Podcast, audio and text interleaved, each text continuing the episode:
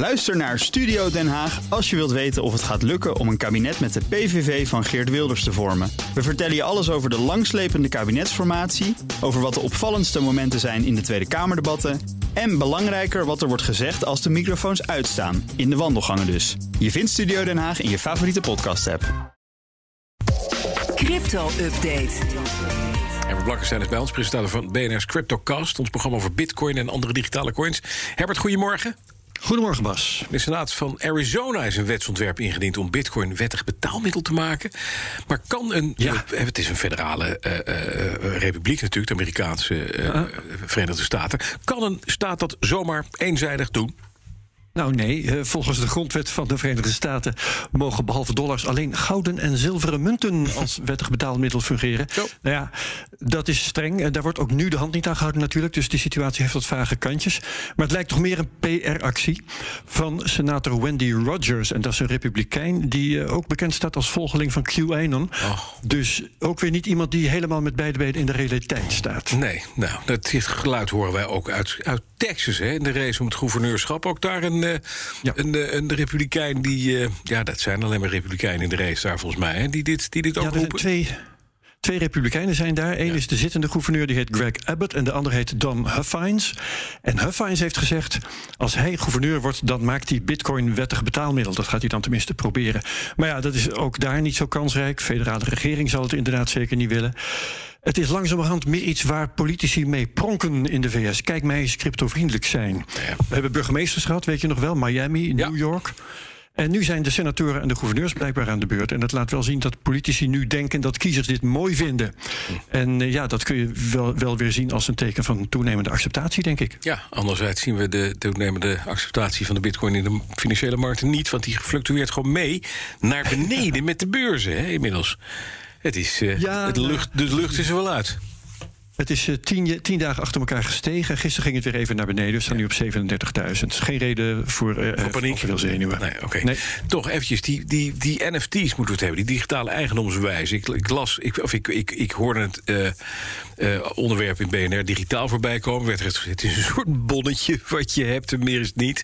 Ja. Er wordt Ja. ontzettend mee, mee gefraudeerd, daar hadden jullie het gisteren over. Nou heeft NASA laten weten dat materiaal van de ruimtevaartorganisatie organisatie niet, nooit en ten nimmer mag worden gebruikt als NFT.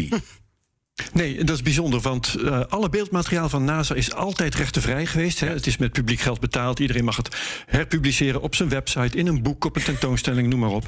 Ehm, maar een van de problemen met de huidige NFT-handel... dat is dat auteursrechtelijk beschermde werken daarvoor worden gebruikt zonder toestemming. En dan krijg je dus een gestolen werk met iets wat lijkt op een echtheidskenmerk. Dat is de verwarring ten top. Vindt NASA ook niet leuk als dat zou gebeuren. Dus die willen uit dat wespennest vandaan blijven en zeggen nu... onze logo's en onze content mogen daar niet voor gebruikt worden. Dus geen sterrenhemels met, eh, als NFT. Nee, klaar en mooi. Maar hoe handhaaf je dat? Is het punt. Want er zullen absoluut boeven zijn die, eh, die dat proberen ergens te verhandelen weer. Die maken zelf gewoon een, een NASA-NFT'tje. Die eh, rammen het de markt in, hè? Ja, hoe doe je, wat doe je daartegen? Nou, Ja. we hadden we het in BNR Digitaal ook Precies. over. Wie Niks. moet dat gaan doen? De marktplaatsen, de werkelijke auteurs? Moeten die hun eigen politieagent zijn of een andere neutrale partij? Nou, de marktplaatsen falen in elk geval, want de meerderheid van de NFT's die daar worden aangeboden, tot wel 80% op de marktplaats OpenSea, schendt auteursrechten. En het is maar een miniem deel, minder dan een procent, dat op dit moment wordt aangepakt. En auteursrechten zijn het probleem. Ook bij ex-voetballer John Terry. Speelde ooit voor Chelsea, is er nu coach. En ook hij heeft een lucratieve handel in NFT's, hè, geloof ik. Heel origineel. Eh, ook John Terry verkoopt nu een collectie NFT's met afbeeldingen van aapjes. Ook dat is zeer origineel.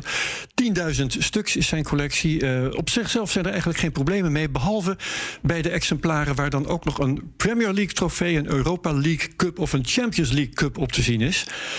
Dat is een probleem, want eh, dat soort afbeeldingen mag je niet verspreiden zonder toestemming van de betreffende organisatie. En die krijg je weer alleen als je betaalt. Dus de NFT's met de Premier League prijs heeft Terry er al uit moeten halen. Ik kreeg een brief van de advocaat. En de Euro- Europa League en de Champions League die onderzoeken de zaak nog. Ja, en dan nog eventjes heel kort naar MicroStrategy. Bedrijf dat als eerste beursgenoteerde onderneming Bitcoin op de balans zette. Nog steeds bijkoopt. eh, noteerde wel 146 miljoen dollar verlies op de Bitcoin. Hè, over het Ja. vierde kwartaal 2021. Zo gaat dat. Ja, de Amerikaanse boekhoudregels zijn een beetje vreemd. Ehm, ze hebben er ook bezwaar tegen gemaakt. Bij waardevermindering moet je verlies rapporteren. Maar bij waardestijging mag je geen winst bijschrijven. Dat mag alleen als je verkoopt. Ja. Dus uh, MicroStrategy heeft nu 124.000 bitcoins. Hebben ze 3,8 miljard aan uitgegeven. Die zijn op dit moment 4,6 miljard waard. Dus ze hebben 800 miljoen winst. Maar ze staan in de boeken voor 2,9 miljard. Dus met 900 miljoen verlies. Nou, wie dat snapt, die mag het nu zeggen. Fiscaal buitengewoon interessant, want dat is verlies. Ja, ja prettig. Wat heb je in de CryptoCast deze week? De hoofdeconoom van het Centraal Bureau voor de Statistiek heet Peter Hein van Mulligen. En we hebben het over eh, de consumentenprijsindex. Ja. Uh, en de inflatie dus ook. Ja, wat is eigenlijk de definitie van inflatie? Wat betekent het voor de bitcoin als de inflatie toeneemt?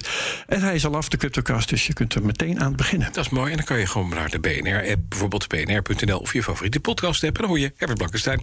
Dankjewel Herbert. Tot volgende. Crypto-update wordt mede mogelijk gemaakt door Amdax. Alleen voor de serieuze cryptobelegger. Ook Liesbeth Staats vind je in de BNR-app. Ja, heel handig. Luister live naar Kees en mij tijdens de Daily Move. Dan blijf je ook gelijk op de hoogte van breaking news en het laatste zakelijke nieuws. En daar vind je ook alle BNR-podcasts, waaronder de Perestrooikast. Download nu de gratis BNR-app en blijf scherp.